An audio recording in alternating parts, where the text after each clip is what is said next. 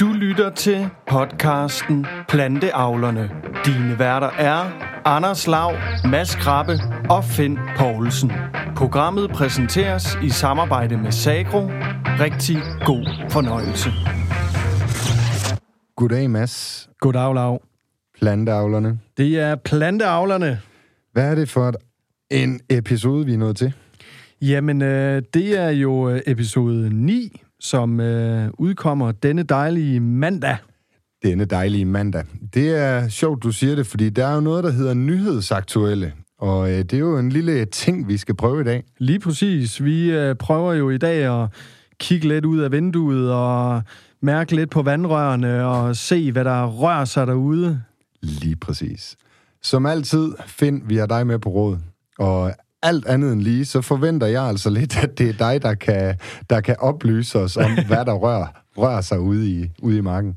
Jamen altså, det, det kan jeg selvfølgelig, fordi at uh, min telefon har jo øh, glødet hele ugen om ting, der rører sig derude, og, og øh, øh, hen over weekenden her, der er jo også sket ting, ikke? Og, og jeg ved jo også, at du så nogle gange kigger lidt på nettet, og du må jo også have undret dig over noget af det, du læser om. Så skal vi ikke prøve at tage en snak om, hvad der rører sig derude, og så lige komme igennem de store afgrøder, som der sker rigtig meget på nu, det er jo høst af korn, det er etablering af raps, det er jo også høst af raps, det er øh, valg af sort til nye øh, vintersteder, der skal sås her i løbet af september.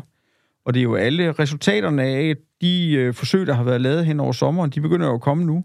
Og det, der kommer først, det er jo sådan noget med, hvad for en sort har givet det største udbytte, og efterfølgende så kommer opgørelsen af sprøjteforsøg og etableringsforsøg og alt det her.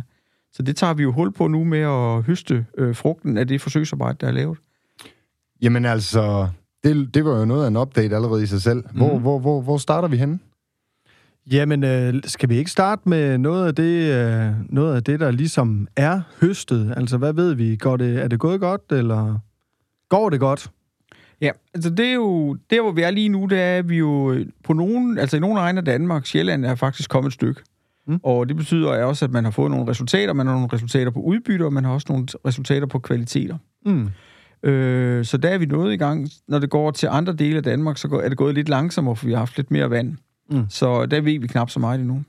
Og det, som jo er desværre for, for det sjællandske øh, planteavlsbrug, som jo ellers generelt har, har et højt udbytte, det er, at vi faktisk har set i nogle af de store sorter derovre, for eksempel hvide, det skuffer faktisk rigtig meget øh, en del steder. Okay. okay. Og øh, vi, har set, vi har ja. set et sjovt fænomen. For en måned siden, der var hvedemarker på Sjælland, der lignede de rekord næsten. En million milliard lignede det. Og der var kommet masser af vand i maj, og der har vi tit lidt for tørt, så vi har fået masser af blade på viden, og den var rigtig frodig. Så fik vi en meget varm periode i en overgang med høje temperaturer. Vi havde jo rekordvarme i en periode og vi fik for lidt vand. Så jeg tror, vi fik 14 dage, hvor det både var meget varmt, og hvor det manglede vand, og hvor der var sat et kæmpe potentiale af. Mm. Og det betyder, at vi har set et fænomen, som vi faktisk har haft lidt svært ved lige at forklare fra starten af. Det er sorte aks i viden, der strider lige op, og er tynde, og når man lige tærskede dem mellem fingrene, så var kernerne helt skrumpende, og måske næsten da ikke eksisterende. Okay. Og nogle sorter spidsede til, sådan så den yderste del af akset faktisk heller ikke sat kerner. Så jeg vil sige, hvad jeg vurderede for en måned eller halvanden siden, hvor marker der skulle give øh, 9 tons korn per hektar. Jeg husker da altså også have, have rost øh, markerne over på Sjælland, ja. at der, det, det, der var noget, der tydede på, at det var ret fornuftigt. Jeg var optimist, og jeg troede faktisk ja. på, at vi skulle slå sådan en lille rekord, i hvert fald i nogle af de der marker. Ikke også? Og det må sige, det skuffede måske med øh, 10, 15, 20 procent. Og så har jeg hørt om nogen, der rigtig har fået tømmer, men altså, der rigtig, hvor, det, hvor det er gået rigtig hårdt ud over. Mm. Så, så vi har set det, og der, lige nu bliver der jo lavet en masse undersøgelser, fordi vi har haft en lille smule problem med at forklare helt præcist, det er lige det her, der skete. Og den gang det skete, der var det ikke sådan, at vi var i stand til at sige, det her vil komme til at resultere i det her. Mm. Og det ærger os jo lidt, fordi vi vil gerne være verdens klogeste, og det vil vi gerne være først. Det og må der være hårdt at være rådgiver. Rådgiverbranchen har altså været en lille smule på røven i det her, det bliver jeg nødt til at sige, og det, og det er jo mig selv inklusiv, ikke? Så, så vi, kunne, vi så det ikke, øh, da det skete vi så, det var sket, og nu leder vi efter forklaringerne. Mm. Og der bliver gjort op, altså sorterne bliver målt mod hinanden, er alle sorter lige hårdt ramt, for eksempel er det her med sort aks, øh, er det for eksempel de sprøjtestrategier, vi har haft mod svampe, der har været hårde ved afgrøden, og det har der været rådgiver ude og, at gætte på, eller har kvalificeret gæt, men det har været skudt ned nu her, fordi man jo så faktisk har gået tilbage til de forskellige øh, strategier, der har været lavet, og kigget på og nået at tælle op. Var der så lige mange sorte aks efter forskellige svampemidler, for eksempel, mm. eller forskellige doseringer. Så der bliver lavet kæmpe arbejde nu øh, på at evaluere på det her, for vi, så vi kan få det fuldstændig dækket af.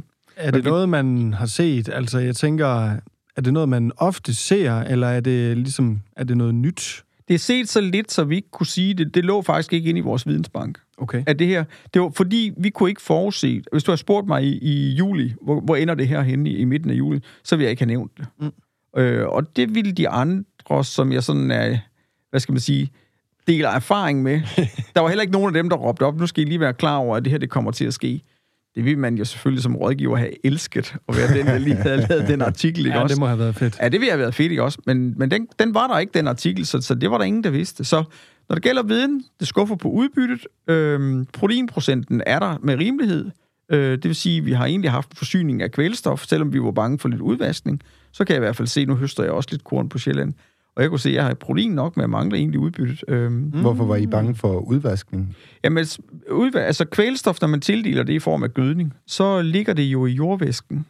Og når du så det regner mere, end planterne kan, øh, kan forbruge, så flytter vandet sig jo nedad og ender i drænrørene, og så ender de jo i, dybest set til sidst ud i havet. Mm.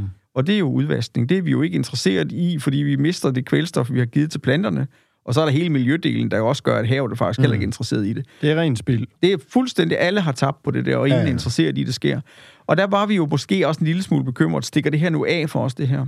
Og hvis det er sådan, at kvælstoffet stukket af, sådan, så det var det, der ligesom pressede planten, at der manglede kvælstof, så ville der have haft et lavt proteinprocent. Mm. Og det ser det egentlig ikke ud til, at vi har. Okay. Så der har egentlig ikke, det er ikke kvælstofforsyningen, der er en del af det her spil her. Men hvad kan man så bruge den der ved til, når den ser sådan ud? Kan man bruge den til noget overhovedet, eller altså... Jeg tror egentlig, det primære, der mangler her, det er, det er kerner. Altså, det er tons. Okay. Så, så kvaliteten er der egentlig okay, og jeg tror ikke, den er hverken farlig eller fyldt med svampe eller noget. Det kunne, der kunne være mange andre situationer, for eksempel, hvis du skulle have høstet den efter en meget våd periode, fordi det giver jo svampe i, øh, i kornet, og det er jo, altså, det er jo skadeligt at spise. Altså, øh, nogle af de svampesygdomme, som findes i kornet, er jo faktisk ret giftige. Vi kender jo for eksempel meldrøjer fra ru, som mm. jo hvor, hvor, hvor en af de der syv plager, ikke også, der, der, der slog folk ihjel, øh, før man var klar over, at, øh, at, at meldrøjer... I Ægypten, eller hvad? Ja, det var, var noget det? med Ægypten, ja. og noget med noget korn, og så det gav man det der korn der, så, så, så det var drengebørnene, det var jo dem, der man først skulle fodre på, fordi de skulle helst øh, overleve og komme længst, ikke? Og så så der altså bare dem, der stod af, selvom det var dem, der fik maden. Ja. Og det var fordi det brød, man bagte, det havde øh, meldrøjer i sig, som er en svamp, der sætter sig på øh, altså kernens anlæg, og så i stedet for at udvikle sig sådan en sklerotia, altså sådan et, øh, en, en, en svamp, som så øh, er, er ligner eller øh, ikke renses fra kornet, og når den bliver malet med i mel, så er mel faktisk øh, farligt. Okay. Eller giftigt mm. at spise. Og det bliver jo også, altså for ruen nu, der går vi jo og kigger rigtig meget på, er der meldrøjer i ruen, fordi lidt meldrøjer kan man godt tåle, men, men hvis der er for mange, så bliver det jo i første omgang kasseret som brødkorn, dernæst så ryger det egentlig også som grisefoder, fordi så kan man heller ikke bruge det til grisene. Der er og... faktisk en artikel på, øh, på øh, Landbrugsavisen, hvor, øh, hvor de siger, træls melding i radioen, der er også meldrøjer i min tank. Det er en artikel fra den 11. i 8. Øh, det ved jeg ikke, om du skal sætte nogle ord på. Er det, er det noget af det, hvor man virkelig øh, siger, shit? Ja, det gør man faktisk, fordi det gør man af to grunde, ikke også? Det er, at man elsker jo egentlig at lave øh, kvalitetsvarer, ikke også? Og kvalitetsvarer i ru, det er noget, der ikke indeholder meldrøjer. og så det næste, det er jo også, at foderstoffen, de kan faktisk godt, altså man kan godt rense det fra, men det koster. Man hiver det hen over sådan et bord, med en hel masse små luftholder i, og hver gang der er en eller anden fotocelle, der får øje på sådan en sort øh, skalerote, så giver man en lille luftstrøm, og så kan man sparke den ud af det der. Så man okay. kan godt rense for det. Det er jo egentlig helt fantastisk. Og når man ser sådan en rensebord, det går så stærkt, at man kan slet ikke forstå det, og det bare skyder afsted. Og så kan man faktisk rotere en hel del fra. Men der ryger jo hurtigt sådan noget med en 15, 20, 30 kroner per tønde, altså det vil sige, i procenten 10-20 procent af afregningen går så som et fradrag for det her. Okay. Og foderstofbranchen tjener jo egentlig ikke penge på det her fradrag, for det er jo ting, der forsvinder. Mm. Øh, og landmanden får jo regningen, ikke også? Så han, han høster jo så lige pludselig en lavere løn, ikke også? Nu, nu, jeg så lige her, jeg læste lige lidt videre, imens du nævnte det der, Finn, og jeg, jeg kan se, at det er i sprøjtesporene. Ja. Er det øh, specifikt? Ja, altså ru er jo fremmedbestøvet, og det betyder i virkeligheden, at man kan kun sætte et, en kerne som ru, hvis man får noget pollen fra en anden plante. Den skal komme flyvende til, når det er vindbestøvet. Og hvis du så har en, øhm, en, et sprøjtespor, hvor der har været kørt en gyllevogn, for eksempel, så trykker man planten ned, den tænker så, jeg er delvis slået ihjel, og så alligevel så begynder den at gro igen, og så får man så nogen, der er ud, altså efternølere. Øh, ligesom to generationer. Okay. Og så når ruen den støver, altså man sender pollen ud, så får man godt nok bestøvet alle dem, der var første generation. Men så står der så nogle efternøler øh, der, som så får for lille en forsyning af pollen. Og så meldrørsvampen, den er en parasit, der lige nøjagtigt kan sætte sig på planten øh, frøanlæg og give sig til at vokse som en øh, lille gøgeunge der, ikke også? og det betyder, at hvis du har dårlig bestøvning, som for eksempel tvimodenhed, altså, altså blomstring over en lang periode, du kan også se dem, hvis du har en grusvej, hvor det støver rigtig meget, så almindelig jordstøv, det ligesom fiser ind i afgrøden, så får du også en dårlig bestøvning. Og der kan meldrøjersvampen godt være i stand til at etablere sig. Og derfor ser man flest af de her, der hvor afgrøden ikke står perfekt, fordi når den står perfekt, så har den blomstret samtidig, blevet bestøvet samme dag, og alt følges ad. Så det er, når afgrøden bliver uens af en eller anden grund, og det er blandt andet i sprøjtesporene, fordi at der har været en fysisk belastning af dem, af planterne. Så, Okay. så dårlig bestøvning giver far for meldrøjer. Og så, så bliver det i første omgang kasseret som menneskeføde, og så kan det blive kasseret som svine eller Ja. grisefoder. Ja, og det, kan også øh, selv øh, kreaturer, som jo ellers kan æde næsten hvad som helst. Øh, det er faktisk også, når der kommer en vis mængde, så er man heller ikke interesseret i at fodre med det. Bliver det så bare mm. kasseret, eller hvad? Nej, så kører man det nok over et rensebord, ikke også? Og så, så piller man det derfra, og så får okay. man den der vare, som så er propfyldt med, med meldrør. Den kan man så øh, komme i et biogasanlæg, eller mm. man kan brænde den af, eller man kan anvende den i industrien på en eller anden måde. Mm. Og så har man en mere ren vare, men, men den proces koster jo, øh, koster jo øh, penge. Ja. Og der er også en mindre mængde tilbage, for man har også sorteret noget fra. Ja. Så sker der jo rent faktisk også det, at man nogle gange blander sig lidt ud af det. Så hvis man ligger med en vare, der sådan lige præcis ikke er god nok, så tager man noget, der er fuldstændig fri for meldrør, hælder det sammen, og så samlet til, så kan det så lige gå alligevel. Mm. Mm. Og det er jo princippet også rigtig fornuftigt, fordi lidt kan man godt tåle. Det er vel udnyttelse. Det er udnyttelse, og det, det er vi nødt til at have det hele med. Vi skal da heller ikke smide ressourcer ud, jo. Nej, nej, vi skal jo passe på vores øh, CO2-regnskab. Vi skal passe på alle de der regnskaber, ja, og vi skal udnytte det, det hele, og, og, og madspil skal vi ikke have heller ikke, når det ikke er grisefoder. X. Så, så derfor er vi spændt hver år, og man ser jo det her sådan nogle uger før høst, så begynder de der meldrør at dukke op, og så, så hvad hedder det, øh, nogle gange er der nogen, nogle gange er der faktisk slet ikke nogen, og nogle gange er der rigtig mange. Så kan man gøre lidt med sit høstarbejde, hvor man kan lægge en strategi. Det vil sige, at du kan høste alle sprøjtespor, forager og de steder, hvor afgrøden står dårligt, i, ligesom i et parti, og så kan du tage der, hvor den står godt, og høste i et andet parti. Og så får du noget, der er noget lort, og så får du noget, der dur. Ikke også? Ah, Og så kan man så det er på faktisk måde- derfor, Ja. man ofte ser forager og sprøjter, at de lige har kørt en stribe op igennem kornet. Når, Vil det typisk være, øh, vi har kunne øh, køre en tur med kæresten og så sige, der er meldrøjer. Altså, i, i, i, i rugen, der bør man gå ud og kigge på det her, ikke også? Og så kan man sige, hvor mange skal der egentlig til? Altså, hvor, hvor, hvad niveau er vi på? Der var en gammel tommelfingerregel om, at hvis tog et kilo korn, dryssede det ud og kunne tælle 16, så havde man et problem. Okay. Og, og hvis ruen nu har en 1000 korns vægt på, på, på 40 øh, gram per 1000 frø, så kan man sådan ligesom sætte sig ned og regne i procent på det der, ikke også? Så det er faktisk ikke ret mange, der skal til. Der, altså, det er ikke sådan noget med hver anden en meldrøg, og så er man jo længe forbi. Ja, altså, okay. så, så der skal ikke så mange til. Og 16 på et kilo korn, synes man, okay, det lyder også meget, men, men, men det er det egentlig ikke, når man sådan kigger på varen. Mm. Og det er heller ikke en regel, der holder 100%, for de kan enten blive store eller små, de her skriver. Mm. Man kan måle øh, indholdet, ikke også? Og, og det er det aktuelle. Men når du går ud og kigger og vurderer som landmand, vil jeg høste det her med i bunken, fordi jeg tror på, at det stryger med igennem, så er det tommelfingerreglen. Hvad er i forhold til øh, resistens? i forhold til resistens for meldrøjer, der har man faktisk arbejdet af en anden vej, og der er et øh, firma, som er fremavler øh, ruusæd, øh, som har været i stand til at lave nogle planter, der har en større pollenproduktion. Og det har man avlet sig frem til. Man havde meldrøjer, var et kæmpe problem i ru, men hvis du bakker nogle år, en 10-20, måske 30 år, så var ruen mega lang, og den fik meldrøjer, og den smed sig, når den skulle høstes, og den groede i akset. Mm. Og så tænkte man, okay, det der med meldrøg, hvad kan vi gøre ved det der? Vi skal have en bedre pollenproduktion. Det vidste vi sådan set godt. Flere pollen. Så kiggede man tilbage og tog nogle linjer af det, som ruen egentlig er udviklet fra, som jo i, var noget, der skete for flere tusind år siden. Tog nogle af de planter med fra den gang, som havde en kæmpe pollenproduktion, og ligesom fik dem med ind i, i forædlingen. Øh, og, og det kalder man jo så pollen plus, ikke også? Fordi det er ligesom til at forstå, ikke også? Og Ja. KVS har jo arbejdet med det her, ikke plus. også? Ja, pollen plus sorter, ikke også? Og det var en reel forbedring, og det var jo ikke gensplejsning eller noget andet, men det var jo gener, man hentede, der havde de her egenskaber, Mm. med ganske almindelige slave fremavl, ikke også? Ja. Mads, du tænker vel med det samme øh, i vaskemaskiner og tørretrumler A++? ja, ja. Men det var jo, Jo, jo. altså, Jo, jo. og vi kan jo godt lide plusord, ikke også? Og, og det jo, elsker iPhone landbrug- Plus og... Ja. Og landbruget, vi er jo berømt, altså det hedder super, det hedder plus, ikke også? Ja. Det kan jeg også noget af de der tillægsord der. Er I færdige, I to?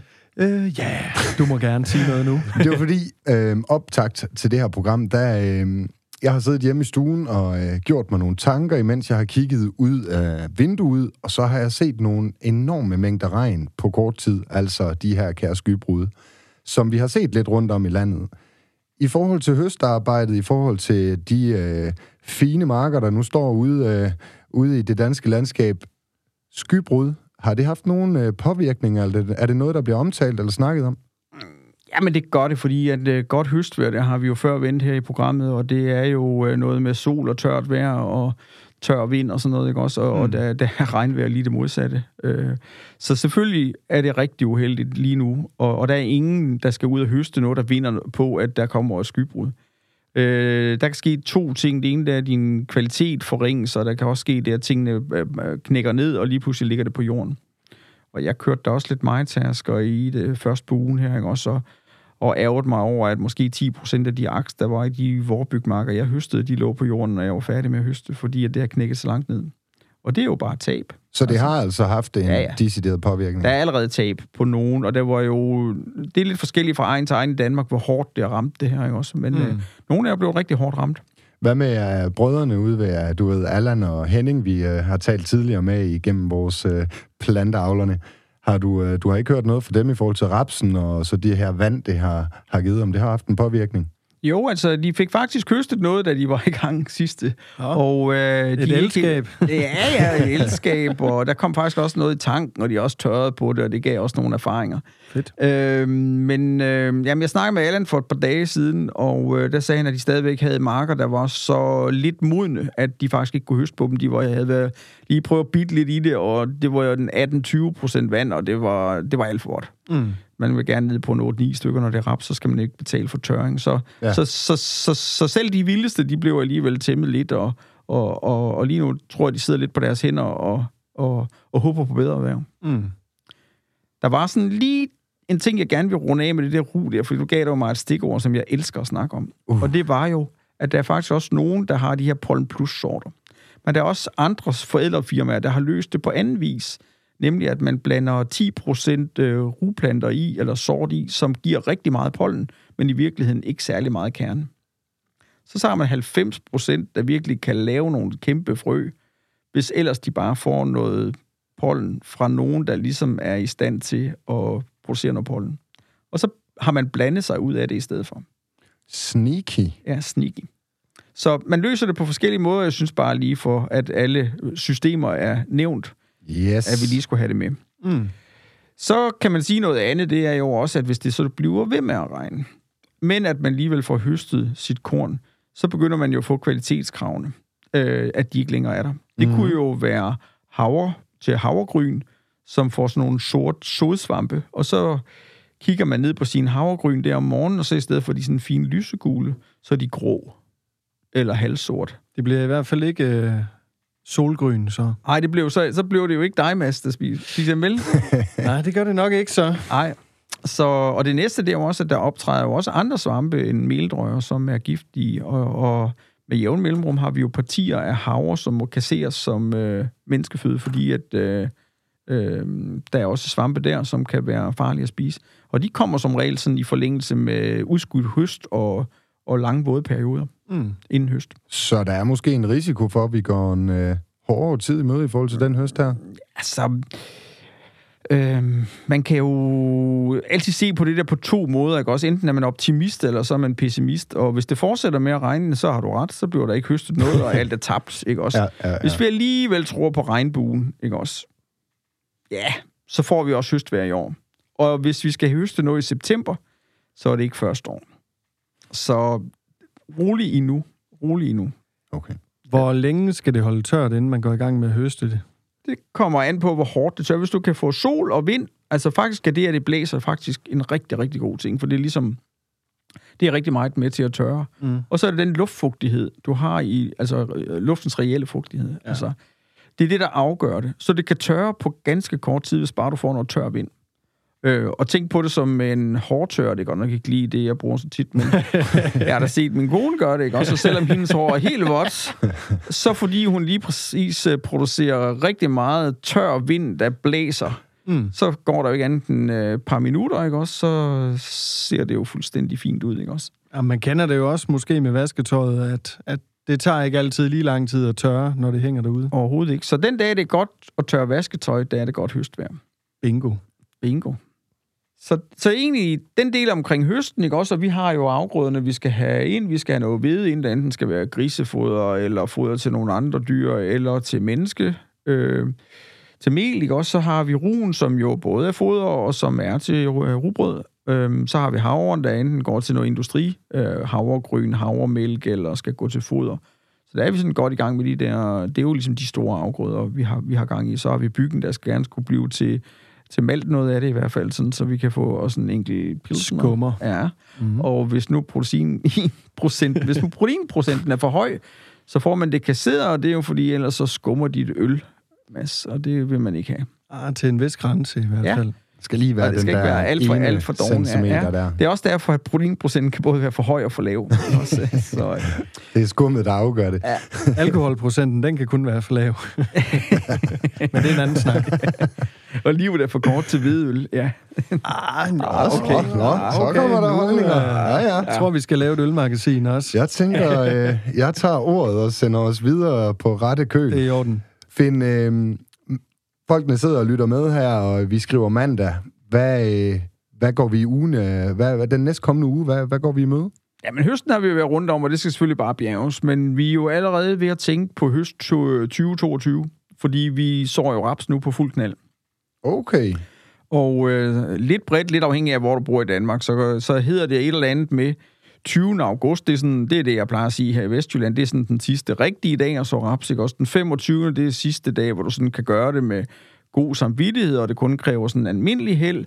og såning 1. september, jamen så baserer du dig bare på heldet. Altså, så går det skævt øh, et ud af fire år, og det øh, har hurtigt kostet 2500 at øh, få sådan en rapsmark i jorden, bare ved såarbejdet og udsæde og de der ting, man starter op på. Og skal man så to måneder efter kassere det, øh, så er det alt for dyrt. Det er ikke en Øh. chance, man skal tage. Nej, nej, den skal man faktisk ikke tage. Og så ender man jo alligevel nogle gange med at blive presset ud i den masse, fordi har man så købt det her frø, ikke også, Mm. så står det der. Har man sat i sin markplan, at det skal ind, og der er krav om tre afgrøder, lige snart man har et vis øh, antal hektar og sådan noget, så skal man også have noget i jorden, og Mm. øh, det kunne også ligefrem være, at man var fristet af, at man havde solgt det allerede, fordi man faktisk har en historisk høj pris, og det gør smitter også af på den høst, der er 2022. Så har du allerede solgt det til en god pris, øh, så vil du også have det sået. Så det er rigtig nemt som konsulent at sige, at du skal stoppe med at så den dag. Men har man kørt det hele i stilling, og så er der lige gået et par dage over, så er det jo også rigtig fristende at tro på heldet, og så alligevel øh, øh, køre, ikke også? Mm. Og det dilemma har vi. Men, men det, er, det kører nu sideløbende, og der er ejendommen, der både øh, høster på, på en mark, og i- på samme mark øh, allerede så raps. Så det, det, går, det, Det, går rigtig det stærkt kan man kalde effektivitet. Ja, og, og det betyder jo også det her med, at den ene afgrøde altså simpelthen tager over for den næste. Og du kan risikere, at du for eksempel vælger fra at bjerge halm, fordi du ikke venter de der par dage, du måske lige skulle bruge til det, for at få rapsen i jorden. Der kan være rigtig mange kilo frø øh, i at få det i, i til tiden. Men hvad er det, man skal... Altså, hvad er det ligesom, der afgør det, om det bliver den 20. august eller ugen efter? Jamen, det er graddage, og graddage, det er jo sådan en eller anden kombination af, hvor mange timer har du over en vis temperatur. Fordi det er det, den skal opnå. Den skal simpelthen have nok varme dage til at nå et vis udviklingstrin, og ja, i gamle dage, så havde vi sådan en øh, 8-8-8-regel, ikke? Også øh, 8 planter per meter række, 8 mm i diameter og 8 blade. Okay. Og et eller andet sted, så holder nogle af de der ting stadigvæk. Altså, du vil gerne have din rapsplante, har en tykkelse som en almindelig blyant, inden den går ind i vinteren. Mm. Fordi er man for spinkel, når man går ind i vinteren, så kan det godt være, at der bliver en gul rapsmark året efter. Men der bliver bare for lidt udbytte. Mm. Så vi vil gerne have så store planter som muligt, inden det bliver vinter. De skal bare ikke møde hinanden og begynde at strække sig og, gå og, og løbe op i højden, fordi hvis de løber op i højden, så tåler de ikke øh, hård vinter. Så kan de udvinter altså gå ud hen over vinteren. Så der er en eller anden balance her. Mm. Og det er jo også derfor, man kunne egentlig godt starte med at så 1. September, eller 1. august, hvis man vil. Men får vi så alt for meget godt vejr, ligesom vi havde sidste år, så øh, bliver de faktisk for store. Okay. Og, og det er noget med at, at tro på, hvordan bliver året, og der kan man jo ikke andet end kigge lidt ned i statistikken, og så tænke, jamen, hvordan plejer det at blive? Mm. Og der er den gode tidspunkt at så raps på. Det er sådan et eller andet sted efter 5. 10. august, og så før den 20. 25. Mm. I den periode, så rammer man, øh, så rammer man i gennemsnit det rigtige tidspunkt. Så Finn, det vil sige, at hvis du bare rammer så tidspunktet spot on, så er der intet, der kan gå galt? Jo, der er en sidste øh, dimension, som vi skal have styr på. Du skal selvfølgelig have den rigtige sådybde. Du skal have styr på dit grej, sådan så du får det placeret cirka 2 cm dybde. Det skal i hvert fald dækkes af jorden, det vil sige sådan cirka en halv centimeter. Det skal du ramme. Dem, der ligger ovenpå, de spiger enten dårligt eller måske slet ikke. Får du puttet dem ned i 4 cm, så kommer måske kun halvdelen, og får du dem ned i 6 cm, fordi at jorden er meget løs, og du får meget skærtryk og sådan noget, så kommer der ikke noget. Mm. Det er sådan. I grov sagt, så er det sådan der. Men der er en anden dimension, og det er den med vejret. Hvis du får et skybrud oven på soling, inden det er kommet op, så kommer de simpelthen ikke, de her planter. For det første, så kan markerne, altså jorden flytte sig, fordi at du har lavet så meget løs jord, og hvis det så bare skråner det mindste, og du så lige hælder rigtig meget vand på på kort tid, som august måned jo det, der altså, som leverer flest skybrud, ikke også? Mm. Så kan du få skyllerender og alt muligt. Øhm, det næste, det er også, at hvis du får det her øh, jord, så slemmer jorden ligesom til. Og hvis du skal have et frø til at spire, så skal det jo have vand, varme og ilt. Altså vand, varme og ilt. Men hvis du slasker ah, den der til, og det står og drukner, fordi ilten. der står vand, så er der ingen ilt, og det er ikke ret lang tid, så gider den ikke at spire, så kan den ikke, så er den, så er den væk, ikke også? Så kan den jo ikke skabe nogen fotosyntese, vel? Nej, for så ikke kommer noget øh, uh, grønt ja, op. Ja. Når ikke der kommer noget grønt op, så kommer der ingen fotosyntese, fordi det kommer jo sammen med, at den folder sine blade ud. Men det er da ah, virkelig også et stykke der. Det er præcision. Jorden. Det er rigtigt. Det er altså, rigtigt. det er da virkelig også et præcisionsarbejde, der skal udføres så. Altså, hvis man tænker på, hvor store maskinerne er, øh, og hvor præcis det skal placeres øh, jorddybdemæssigt, øh, altså, det kan sgu da nemt gå galt det kan da sagtens gå galt, og man kan sige, hvis en eller anden såmaskine er 6 meter bred, og den kører frem med 12 km i timen, så kan du lave meget lort på kort tid. Ja, for så. Ikke også? Og, og det er også med jævne mellemrum, at vi er ude og skulle kigge på de her marker, så kommer det jo gerne sådan ind i september, og man går og venter, kan der ikke lige komme nogen flere, og så ringer man så til konsulenten og siger, hvad kan jeg gøre ved det her? Og der er det jo, man kører ud og tager en snak med dem, og i virkeligheden ved man godt, man kan jo ikke hjælpe med noget som helst. Man kan jo kun komme ud og fortælle, at det her, det, bliver, det skal nok gå, øh, eller også det her, det bliver noget rigtig lort. Og mm. nogle gange, så ligger man jo lige midt imellem. Så du kan jo risikere at skulle se på den der afgrøde, han er sagt 12 måneder øh, længere, og du har lige fået lavet noget lort. Mm. Ikke også? Så, så, så raps er, etableringen af raps, det er halvdelen af det at dyrke den. Mindst halvdelen. Så man skal være vågen, når man sidder ude i maskinen. Man skal holde øje med, der hvordan, er, hvad der, der sker. Der er rigtig mange kilo at hente i at få en god etablering. Så du skal ramme et tidspunkt, hvor det ikke lige bliver regn bagefter. Du skal have en passende jordstruktur, sådan, så du kan styre din sådybde. Det skal være lidt jævnt. Du skal køre med noget grej, der magter det. Du skal have en chauffør på, der gider at gå op i det og alle de her ting her. Øh, og hvis det spiller, så er, der jo en af de, så er det jo en af de afgrøder inden for de der store afgrøder, hvor der er flest penge at tjene. Til gengæld er det nok også en af de afgrøder, hvor der tabes flest penge på dårlig håndværk.